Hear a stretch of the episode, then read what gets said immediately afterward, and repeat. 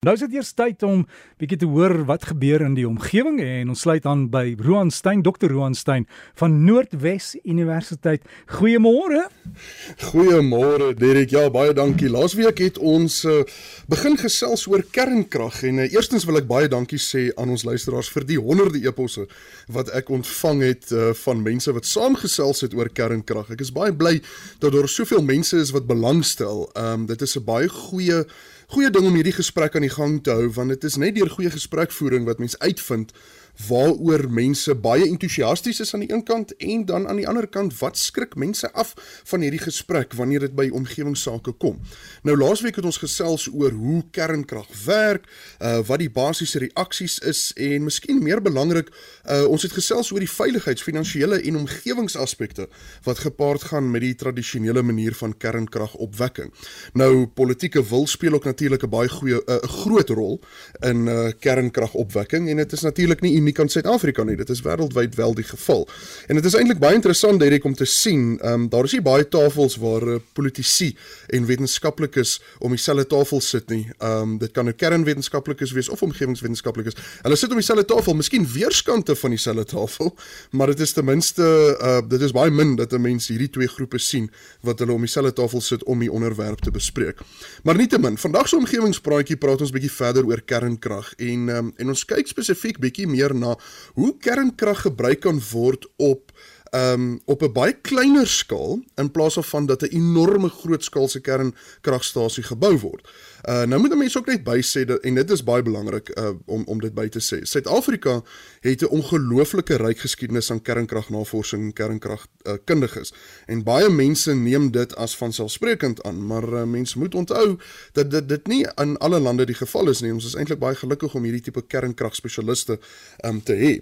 Maar Ongelukkig is dit ook dan nou so dat ehm um, uh kernkrag is en verskoon asseblief my Engels, uh maar kernkrag is nie the flavor of the month nie. So baie maatskappye in Suid-Afrika het al hulle deure moes sluit uh weens verskeie redes. Baie goeie tegnologie, baie veilige tegnologie, maar dit kan nou maar net op daai stadium nie gebruik word nie.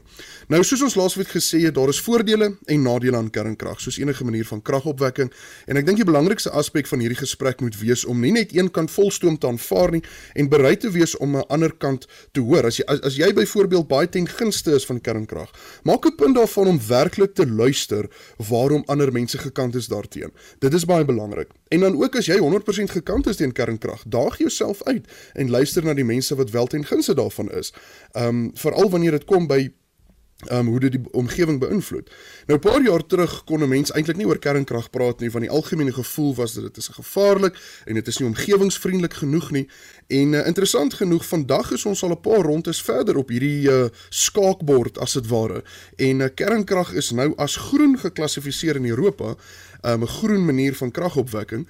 En um, as mens kyk na 'n plek soos Frankryk, um, die Franse president het laasweek, ek dink dit was die 10de Februarie, um, hy het hy was daar 'n persverklaring wat sê hy is baie ten gunste van verdere krag 'n uh, kernkragopwekking. Ehm um, um, as mens kyk na Frankryk, net meer as 70% van Frankryk se elektrisiteit word opgewek met uh, kernkrag. En uh, die en en dit maak sin in daardie konteks vir daardie land.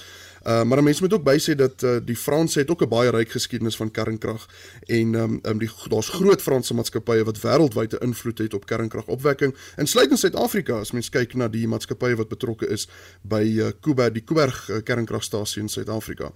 Ehm um, of ten minste in die Kaap natuurlik. Nou uh, vandag gaan ons hier gesels oor wat is en wat kon gewees het en wat moes dit wees nie. Uh dit is 'n debat wat ons maar vir ander mense sal hou. Ek wil eerder baie oor die oor die oor die nuutste en die interessantste en die en die en die nuwe dinge praat. Nou um Ons gaan nou 'n bietjie gesels oor kernkrag as 'n moontlike noodkragbron. Nou 'n maatskappy in Amerika het 'n het 'n baie interessante vindingryke kleinskaalse kernreaktor gebou Ehm um, wat ek nou moet bysê baie op dieselfde beginsel gebaseer is as die PBMR tegnologie waarvan uh, meeste van die ontwikkeling in Suid-Afrika plaasgevind het. Nou hierdie tipe tegnologie is heelwat veiliger as grootskaalse kernkragstasies en word nie deur water afgekoel nie, maar in hierdie spesifieke geval word dit deur helium afgekoel.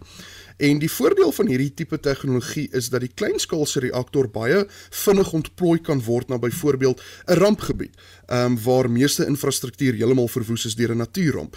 Uh, die bewering van hierdie maatskappy ehm um, is dat uh, hierdie reaktor ehm um, kan binne in 'n skeepshouer pas en genereer ongeveer tussen 1 en 2 megawatt wat min of meer dan nou krag kan voorsien vir 1000 of 2000 huise vir 'n redelike lang tydperk. Nou dit is ook nie net die voordeel vir rampgebiede nie, maar die uh dit dit is ook 'n goeie kragvoorsieningsbron vir militêre operasies waar hulle in die middel van nêrens infrastruktuur moet gaan bou en uh, dit beteken ook dat jy weet duisende liters uh, diesel hoef nie vervoer te word um na 'n uh, afgeleë plek nie wat dit dan nou al klaar meer groen maak as dit ware. En ek sit en dink Derek, jy weet as 'n mens dalk miskien oor 10 jaar so klein skeepshouer 'n uh, kernkragopwekkertjie in elke munisipaliteit kan sit dat sou uh, sou uh, beurtkrag dan nog steeds met ons wees, kan dit 'n nogal interessante uh, alternatief wees. Nou die groot vraag is en en en en dit is die groot groot vraag is wat beteken dit vir ons omgewing? Miskien die beter vraag om te vra is wat beteken dit vir die omgewing in vergelyking met ons huidige kragopwekkingstegnologie?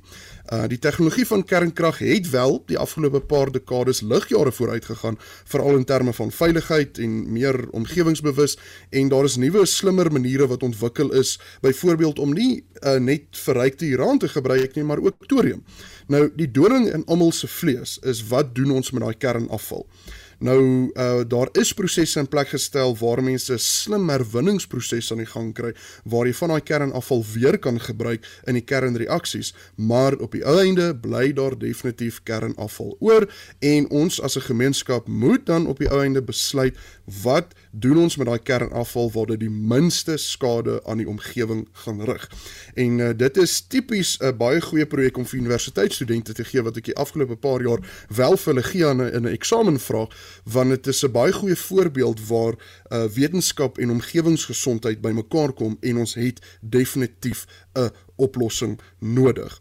So ten slotte Derek, daar is 'n daar's 'n enorme hoeveelheid navorsing wat wêreldwyd gedoen word om kernkrag beter en veiliger te maak in 'n wêreld waar ons altyd moet opweeg wat is omgewingsgesond en hoe gaan ons die energiekrisis van die net meer as 7 miljard mense op hierdie planeet um uitsorteer.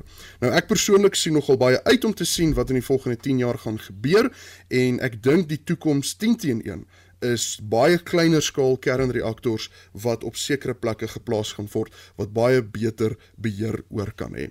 En dit dan Roan Stein van Noordwes Universiteit en as jy wil kontak maak omgewing by gmail.com hy plaas ook vir ons die inligting oor al die kerngoed nou op die Breakfast Facebook bladsy jy kan daar gaan loer